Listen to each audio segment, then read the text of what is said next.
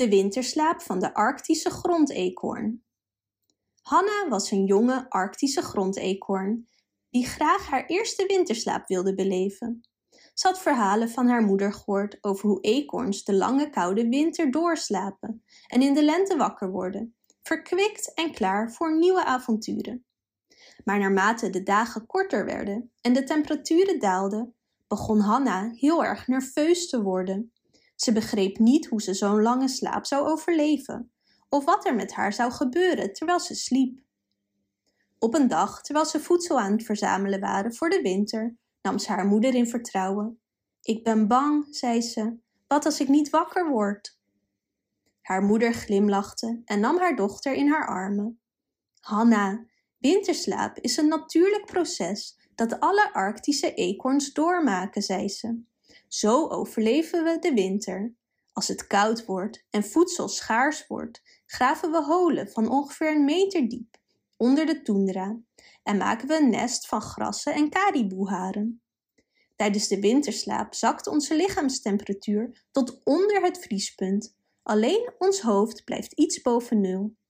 We worden elke twee, drie weken wakker en brengen onze lichaamstemperatuur ongeveer een halve dag terug naar 36 graden. Dit is nodig om te overleven.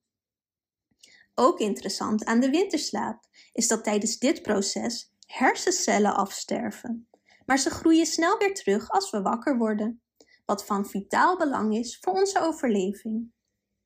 Met een gerust gevoel gingen Hanna en haar moeder aan het werk om zoveel mogelijk voedsel te verzamelen. Ze verzamelden noten, bessen en zaden. En Hanna groef een hol en maakte haar nest klaar. Terwijl de sneeuw begon te vallen en de dagen korter werden, namen Hanna en haar moeder afscheid. Hanna krulde zich op in haar nest, omringd door haar voedselvoorraden en sloot haar ogen. Maandenlang sliep Hanna goed.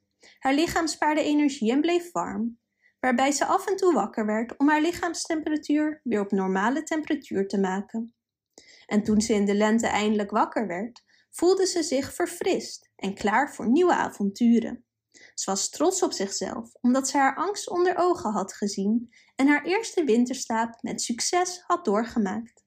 Ze wist dat ze het jaar na jaar keer op keer zou kunnen doen om de strenge Arctische winters te overleven.